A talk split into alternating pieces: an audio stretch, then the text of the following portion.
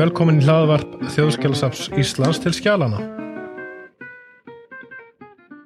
Ég heit Unnar Ingvarsson og er hér á samt Benedikt Eithósinni, fagstjóra upplýsingaþjónustu sapsins og Bjarnar Tór Kristinsinni, ópröðsöngura.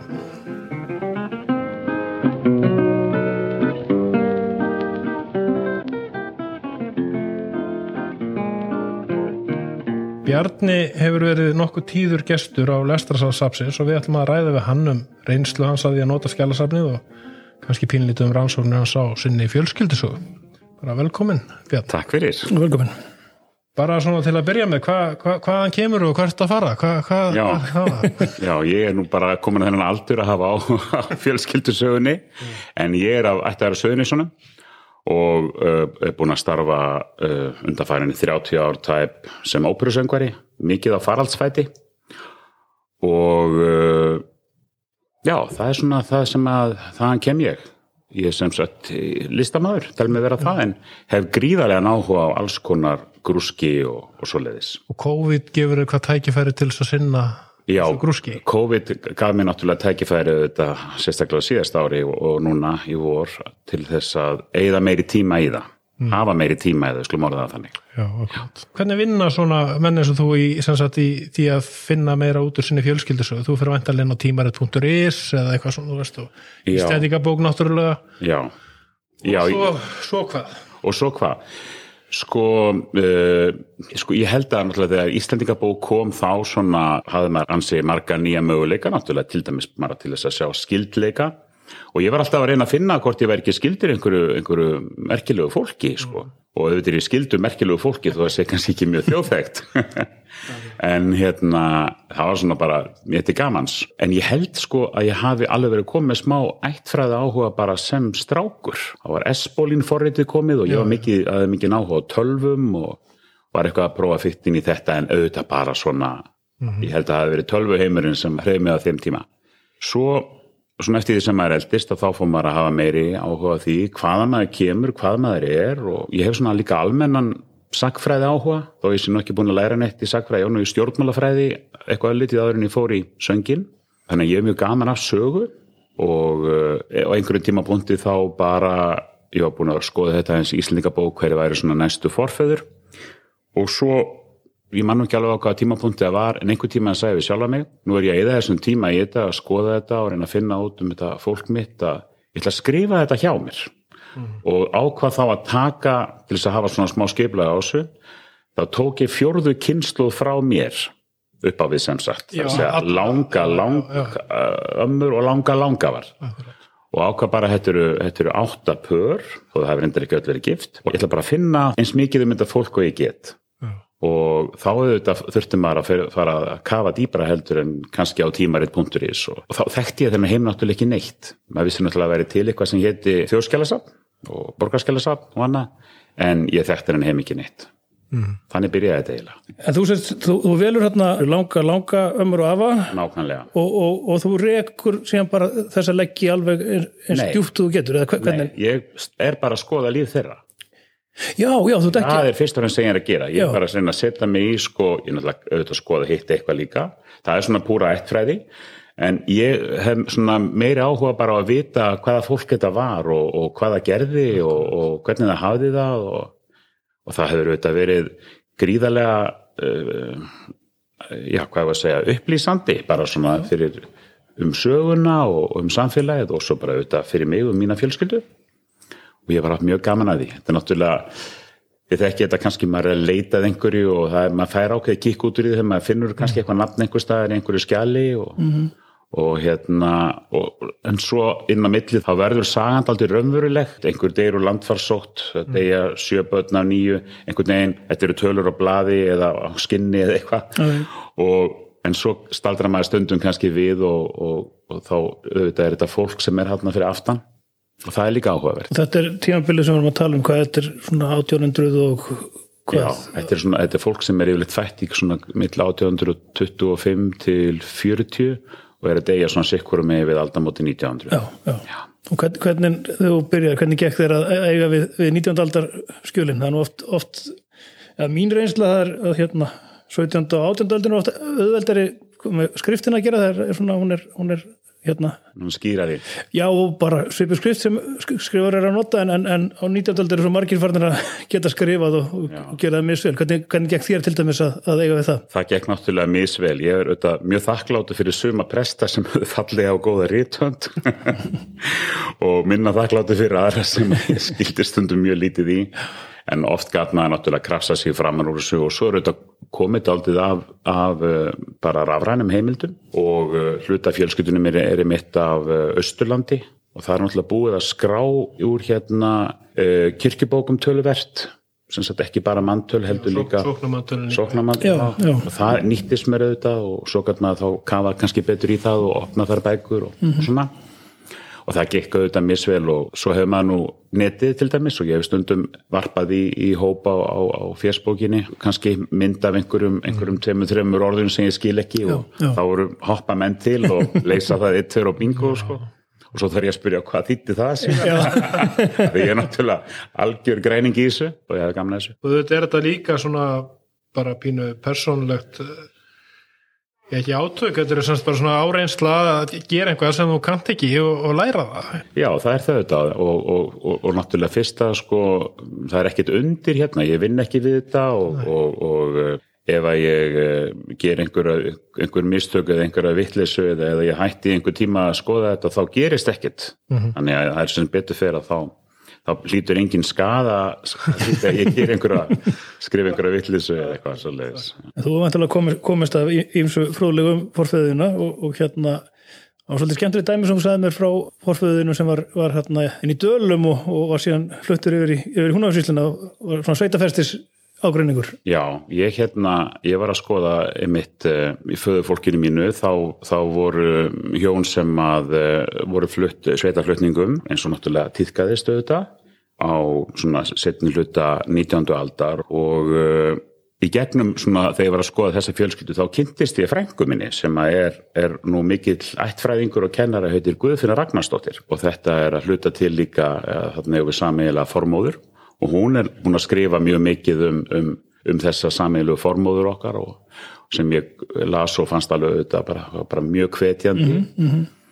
að hérna, sjá það sem hún hefði skrifað og hún var búin að veltaði fyrir sér sko að þau sem sagt flytjast eins og það bara blasti við hennar þeim tímpunktu þau flytjast á svona mesta hardræðis tíma í íslensku veðfari á nýjunda áratug 19. aldar flytjast þau úr dölunum og í húnavarsísluna og uh, þetta var mjög gildislaði hjá henni þegar hún var að segja mig frá þessu að veðri væri greinilega miklu verra hérna fyrir norðan en vestan. Það er ekki það lítla um hún á síslan, alveg bannað. Það er alveg bannað, já ég skil, já. Nei, nei, nei, nei, fallið sísla og, uh, og ég fór að, að, að skoða þetta betur og, og sendi hingaði með töluposta og fyrirspurnir og líka bara það í hverju ég geti leitað og það er þetta breyfabæk og síslumanna og annað og, og þá kemst ég sem sagt að því að þessi ágætu hjón þau fara á sveitina.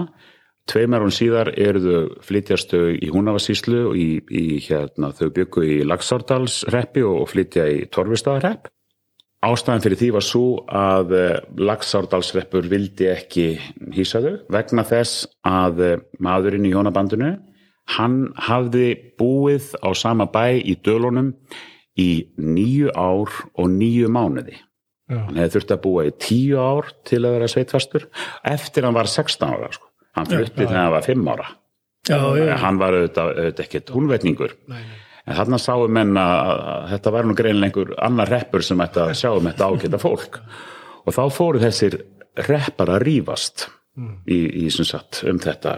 Og þá voru sendt brefa milli og ég fekk einmitt stóran bunga hérna blöðum til þess að skoða um það. Og fyrst voru þessi tveir reppar að, að hérna rífast um það í hvorri í hvorum hreppnum þau ættu að, að vera eða hvor hreppurinn ættu að sjá fyrir þeim. Og kom, menn gátt ekki sett sem það og þá fór þetta til síslumannana og síslumennirni fóru að Kítast náttúrulega já eða svona spyrja hvernig annan þetta var einhvern veginn ekki á hreinu og þá endaði þetta hjá amtmennunum og, og við erum að tala um sko tugi brefa sem gengur þetta. Og svo end, af endanum að þá er mitt, hann náði ekki tíu árum í, í þessari sveit, hann fór í vinn sko og var vinnumar í næstu sveit. Við erum að tala um bara kannski eitt kílometra yfir, yfir hérna reppamarkunum en það döði ekki til.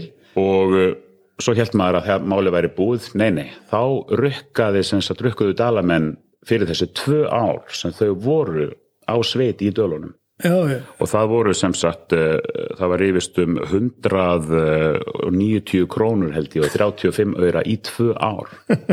Hvor ætti að borga? Og ég get svona rétt ímynda mér að, að þetta er auðvitað mjög, mjög, verkilegt að lesa þessi skjöl vegna þess að það er náttúrulega vittnisspöruldamis hans, hann hétt Jón. Og þá fær maður auðvitað svona smá insinni í það sem ég er að skoða líka sem er svona þeirra kannski persónulega líf og, uh, og oft er það svona, ég lít svona á það að það er ákveðum kostur ef að, ef að fólki sem er að skrifa með ekki prestar eða biskupar eða síslumenn þá er ekkert verið að smyrja eitthvað svona hátilega á það. Ég er ekki að gera lítið úr öllum prestum og síslumann hérna áður fyrir en, en svona almúina, hann, hann kannski eh, það eh, voru beinskeittari lýsingar á, á honum og, og högum hans. Þetta er svona um, umbúða löst bara.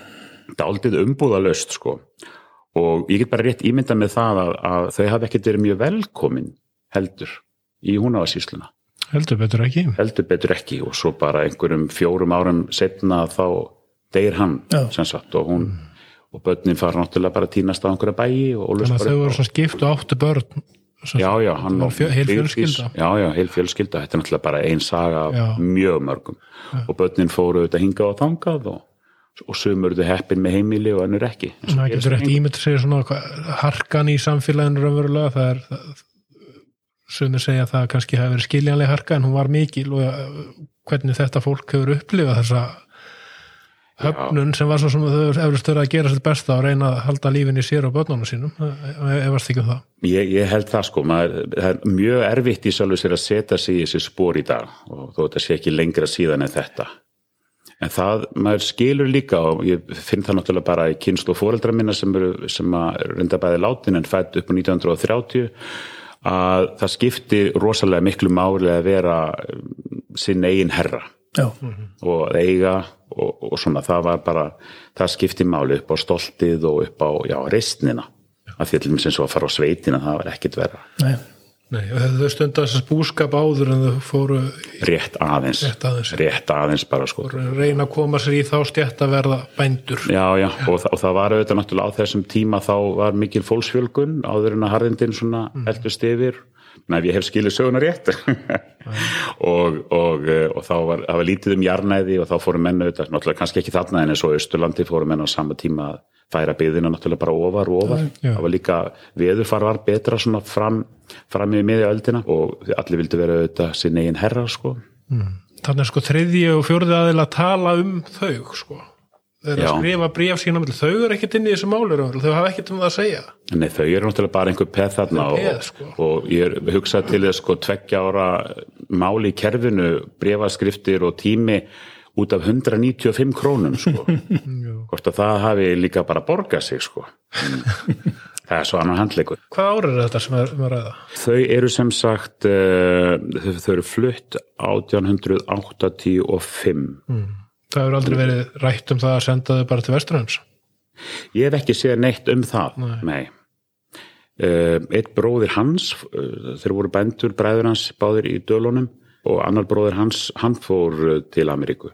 En það var náttúrulega minna í dölunum kannski heldur en við annar staðar. Fólki mitt sem sem að kemur austan að landi, ég held alltaf að ég ætti engin skildmenn í, í hérna Ameríku. Sko. Nei, ég þetta, já, horfði á þættinans eigils hérna í sjónvarpinu, vestu farna, mjög fínir þættir og fannst þetta bara mjög áhugavert og svona. Svo þegar ég fór að grúska í minni fjölskyldusögu að þá náttúrulega að þetta fólk sem ég kem af sem er á austan að, að sískinni forfæra minni fóru þar bara í hrúum sko, bara heilu skipsfarmarnir. Þannig ég á fullt af skildfólki í hérna bæði Kanada og Bandaríkjuna sem ég er mér að segja komin í samskipti við út af mútíma tekna þá var það bara auðvelt. mörg hver hafa það nú mjög margir mjög gaman að því að ná þessum tengslu við Ísland aftur Já. það, það er alltaf merkilegt Það er alveg merkilegt sko og í- en maður sko, eins og ég sé þetta fyrir mér að, með, með vestufarana að þegar þú fóst, uh, fóst til Ameríku að þá, þá var alltaf stokkað upp á nýtt. Það var auðvitað erfitt hjá mörgum en þú fóst kannski, fólk átti sem er átti einhvern pening þegar þið fóru, aðrir ekki, aðrir var bara sendir af einhverjum hreppum og, en það var alltaf stokkað upp á nýtt og það vegnaði mörgum fátæklingum vel í Ameríku. Og það voru margir sem átti eitthvað hérna heima sem, að, sem vegnaði ekki vel í Ameríku. Og yfirleitt finnst mér eins og fólki hafið þau uppi staðið. Allavega þetta fátaka fólk sem fóra það átti miklu meiri séns vestanhafs. Ég held að það sé nú eiginlega lítill á því, þeir fengur náttúrulega borga fyrir vinnu sína sem að Já, nákvæmlega, já, hattu skiptum vinnu bara ekki einu svona ári sko. Akkurat, það er náttúrulega ótrúlega munur með þetta vistaband og, og allt það sem er í gangi á Íslandi á þessum tíma. Nákvæmlega. Heyrðu, Já, ta- talandi um, um, um vesturins,ferðir þú, Já. Hérna, það var nú söðlasmiðurinn, var ekki frendiðin eða? Jú, Fri- Friðrik Jónsson, söðlasmiður nákvæmlega, ég hef sendið póstum hann og Já, já. hjálpa mér að, reyna að finna skjölum hann. Þannig hó- hófust nú okkar, okkar kynni hérna Já. fyrir, nokkrum vikum. Hérna, einhver, einhver söðlasmiður sem að dó einhver tíman 1880 eitthvað. Uh, sko, þannig var að, að ég var að í, í föðu fjölskyldunum minni sem er fyrir, er fyrir austan að þar var átti ég langa langömu sem að eignaðist tvö börn í lausaleik áður en hún gifti sig, eins og gerðist bara hjá fátökum vinnukonum og um, annað barnið í þessum lög, þau reyndar enduði bæði í Ameríku en, en drengurinn sem hún átti, setna barnið, ég held að hann verið orðin um, uh, hann verið orðin nýja ára gamall eitthvað svo leiðis að þá endaði hann með fóstur fólkið sínu í Ameríku. Og uh, svo vegnaði þessum dreng svakalega vel þótt að hann væri sagt, ekki komin af segja, ríku og góðu fólki. Og, og hann varð uh, hann hétt uh, Friðrik Hermann og breytti nafninu sínu í Friðrik Fljótsdal. Hann hafði tímabil verið í Fljótsdalnum þegar hann var, var bann breyndar stuttan tíma og varð uh, verkalýðsleiktói í allir Norður-Ameríku fyrir, fyrir hérna, var fósetti samtaka járbrautarverka manna í Bandaríkjana og hann kom til Íslands 1930 í sendinemnd uh, bandaríkjastjórnar og aðfendi hér stittun af Leif Eiríksinni það var svona frikki frændi sem er einu að gera sjálfa sig nei, nei, það er nú bara út út úr. En, en ég hef búin að vera að skoða þetta og, og, og rannsaka þennan friðrik mikið og fundi alls konar gögnum það og það er mjög merkilegt að, að það finnst ekkit um þegar hann fæðist, heldur bara um Jóhann bróðir hans, svo hafa menn komist að því að það er bara sami maðurinn og þá einhverjum tímapunkti þá heitir þessi drengur sem að, sem að er fæðist og er nefndur Jóhann Hermann heitir allt í hennu Friðrik Hermann. Og ég var að hugsa að það er að vera einhver ástæði fyrir þessu? Og ég veit ekki einu svona hvort þetta mátti eða eitthvað en allavega þetta er ekkit annað bat sem kemur til greina. Þetta er sami einstaklingurinn og uh, svo fór ég að skoða sískinni móður hans. Og hann átti mitt frænda sem hétt Friðrik og var söðlasmiður og ég fann úr svona gögnum um hennan söðlasmið, fundið ég mitt bref hér hjá ykkur sem að sem sagt uh, þessi söðlasmiður hafi þá sendt einhverjum sem að hafa látið eftir sig brefasöfn, einhver stórmenni, Jón Sigursson og Tryggvi og eitthvað svona. Og þar get ég svona púslað aðeins inn í þetta. Og nú líka komið á netið uh, hjá ykkur uh, eða það er búið að setja inn sem sagt uh, hvað kallar maður það? Ekki erðaskrár? Dánar, dánar, ánarbú nákvæmlega og þá kemst ég að því og líka eftir að hafa skoðað að, að þessi söðlarsmiði var alveg moldríkur þegar hann, þegar hann dó. Eignina svo metnar á held ég 8000 ríkistæli og hann bjóð samt eiginlega hverki hann var bara fór á milli bæja og, og hérna smíðaði þetta en hann átti bara hann átti einhver hlutabrif og hann átti í jörð og eitthvað svona og, og þegar þessi maður deyr, hann átti engin börn hann deyr að þá hefðu undir svona veljum kringustæðum sískinni hans átt að erfan mm. það var svona reglan, fyrst hann átti engin ákvæmi nema það að það byrtist uh, það, er, það er sett fram skjál sem er vitnisspurður, það eru þrjú vitni þar sem að þessi Friðrik afsala sér öllum sínum eignum til einhverjar ungrar konu sem að var ekki tengdur mm. og ég sé þetta og ég kannast strax að nafna á þessari konu og þá áttaði maður því að þetta er sem sagt fósturmóðir litla frændans og nafna sem fór til Ameríku. Já, mitt, mitt. og, og, og í þessum gögnum sem ég komst í fyrst þar stendur að uh, hún eigi að erfa allt hans og fyrir því sé ákveðið skilir því og, og stóð ekkert meir um það. Svo leitaði ég hingað og, og fekk komst í, í, í þessar heimildir betur og ég mitt í þennan vittnesburð og þá er skilir því það að hún taki að sér þennan frændans og sjáu til þess að hann komist til manns þannig að uh, það hefur verið skýringin á því vantarlega að, að, hérna, að drengurinn fekk uh, kannski nafn frændarsins tveim árum áður, held að tveim eða þreim árum áður þá, þá fekk hann nafn frændarsins og þá var það frændan sem var að borga fyrir hann þar sem hann var í vist. Já. þannig að hann var ekki á sveit sko. þó hann hafi verið sko á vist á, á mörgum bæjum. Svo endar hjá sér fólki og fer með þeir, þeir því til Ameríku og svo bara eftir fermingu er hann orðin sjálfstæður einstaklingur og fer að vinna fyrir sér. Og ég veit í sjálf sér ekkert hvort að hann hefur nokkuð tíma að vita þetta. Nei. Það kemur hvergi fram. Og það verist ekki hafa verið mikil tengsl við þessa fóstu fjölskyldu nema bara en þau sem sagt eignuðist stórt bú á, á Östurlandi og eftir tvö ára þá fluttu þau til Ameríku og tóku hann með sér þetta fannst mér mjög merkilegt og ég er ennþá að leita að, að fleiri púslum í þessa gátu ótrúlega sögur sem verða til líka ótrúlega sko, samskiptin náttúrulega lítil á milli heimsálfa svo Já. samt, þá verður skrifið mörg bref þá, það er það og auðvitað það er svakalega verðmætt fyrst mér einmitt að komast í einhver bref sko. Já, já. það er alveg bara, maður veit bara ekki hvað maður á að leita alltaf sko. Nei, nei. við eldi fyrir mig varðandi það bara svona sem útúrað hérna, það getur vel verið að kannski tvær miljónir brefa eða eitthvað slíkt hafi verið skrifað að milli Ameríku og Íslands á svo tíma. Já, við erum raunverulega bara með örlítið brotaðin einmitt. Og við höfum safnað dálítið að brefunum sem komu til Íslands. Það er ekki mikið safnað því sem var skrifað frá Íslandi til Ameríku. Hvar eru þau bref? Já, nákvæmlega sko. ég, ég myndi oft velt þessu fyrir mig sko, hvort það sé kannski í eins og í, í Manitoba eða einhver staðar, hvort það sé einhver, einhver þannig að ég bara ekki kynnt mér það og skjala söfnum þar. Já, það er einhvað til en ekki mikið og þau hafa raunverulega ekki verið mikið í því að safna þessu en það er auðvitað ennþá það er ennþá tími held ég, það er ennþá Já. hjá fjölskyldunum kistlar með Já, brefum Já. sem þið get ekki lesið af því þau eru á íslensku. Nákvæmlega. Þannig að það er, er þart verkefni fyrir einhvern að, að grípa þann bolta að fara á finna þessi bref Nákvæmlega, bara fara út og leita. fara út og leita, sko, fá að skanna þau fá að hérna, þarf ekki að taka þau. En hérna, bara þú veist þetta upplýsingar skipta bara þig og, og þá sem Já. er að leita þess að sögu mjög miklu máli bara sem personur Já, þetta er líka, þetta, þetta er svo mikil samfélagssaga sko, í brefunum er svo mikil samfélagssaga. Náttúrulega til bækutuna spöðu vestur Íslendinga.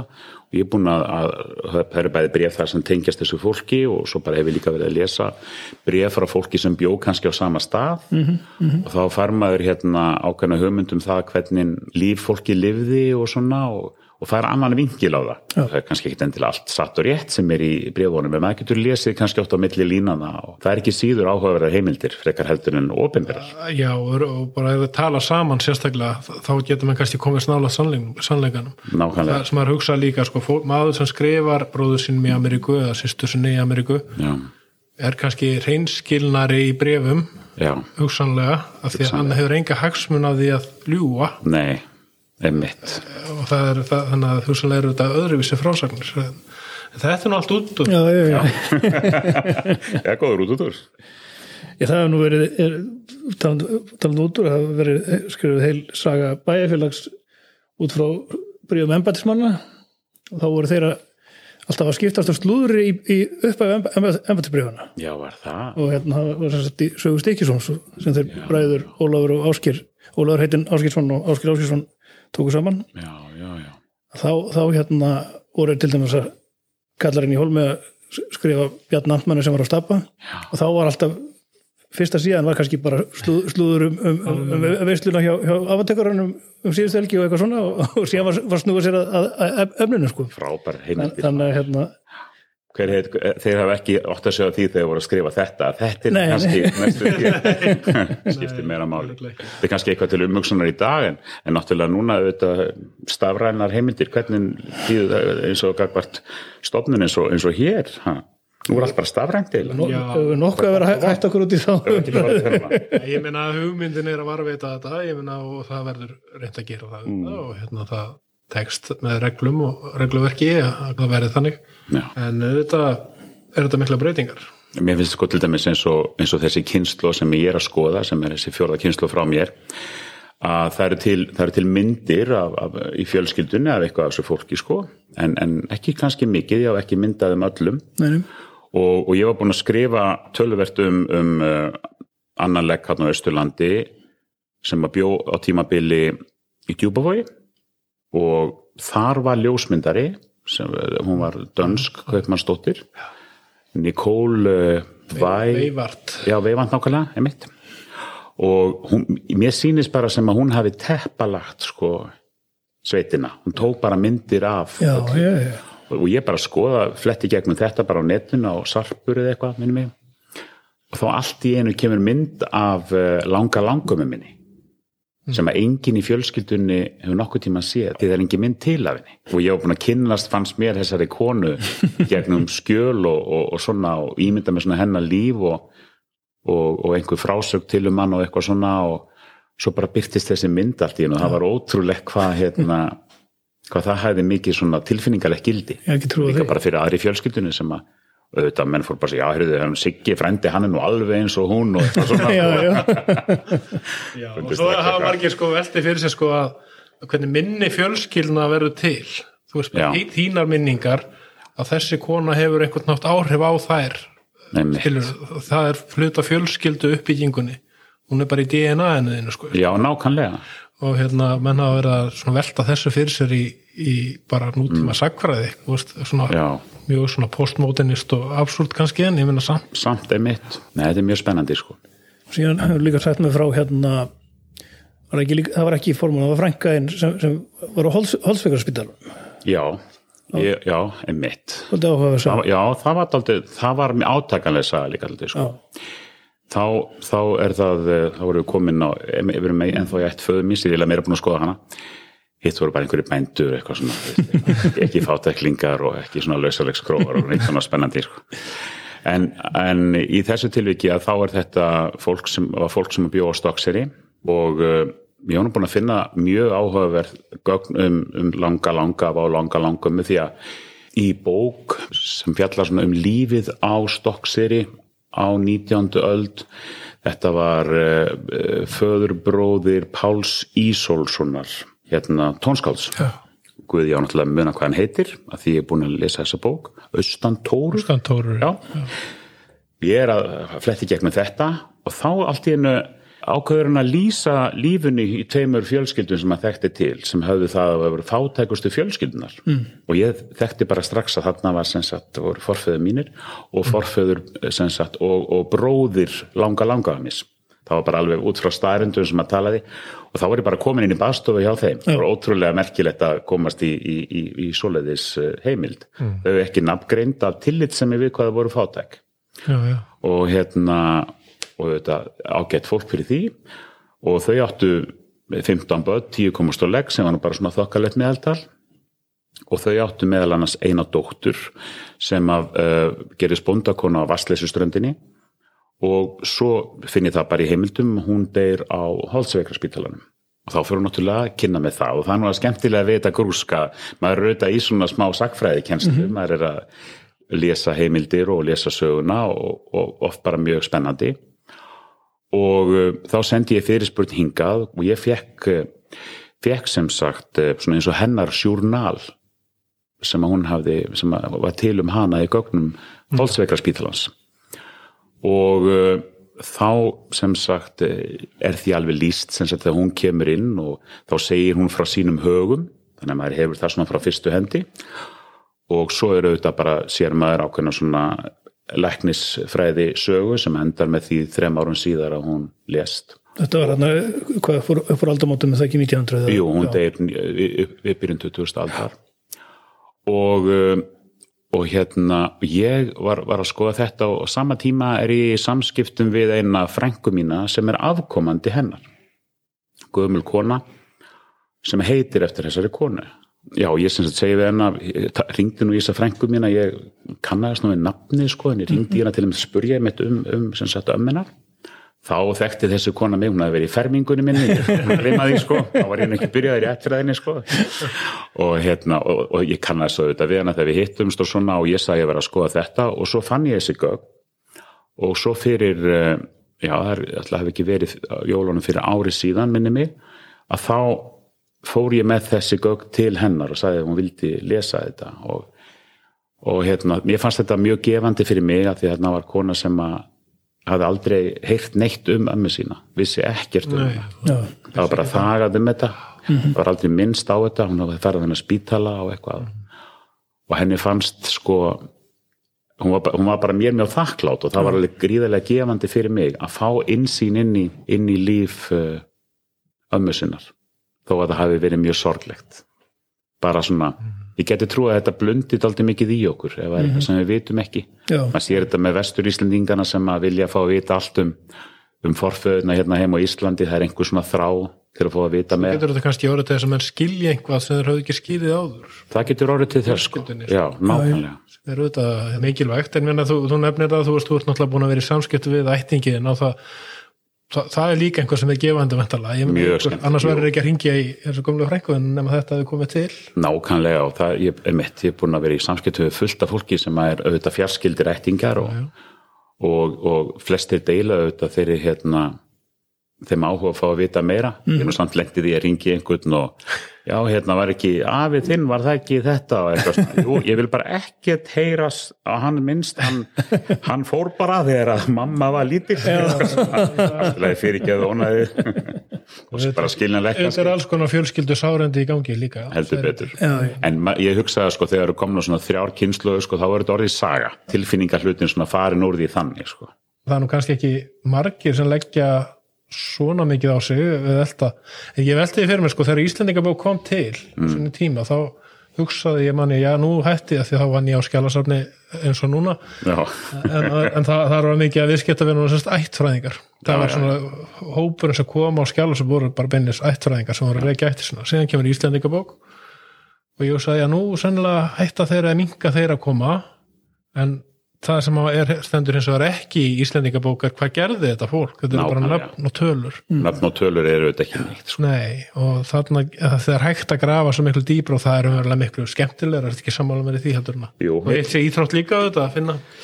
Mér finnst það sko og, og hérna þetta er náttúrulega líka alltaf breytti tímar sko, ég skammast mér ekkert fyrir það að, að forföðu mínir stórum hluta hafi verið fátæklingar mér finnst það ekki verið eitthvað mér finnst ég væri ekkert eitthvað betur settur ég hefði eitthvað fallegt ættanafn og geti talið upp hérna presta og síslumenn og biskupa og eitthvað svoleiðis og það sé auðvitað ekkert leðilegt ég líti á það sem þannig að á mörgu leiti að það er, það er sko það er mjög áhugavert að vita hvernig lífi fólk lifiði og það er líka mjög aðdáanavert að sjá og ég er bara þakkláttu fyrir það að, að þetta fólk, þessi forföðu þeim sem voru fátæklingar hvernig þið bara komist af? Finnst það bara alltaf merkilegt.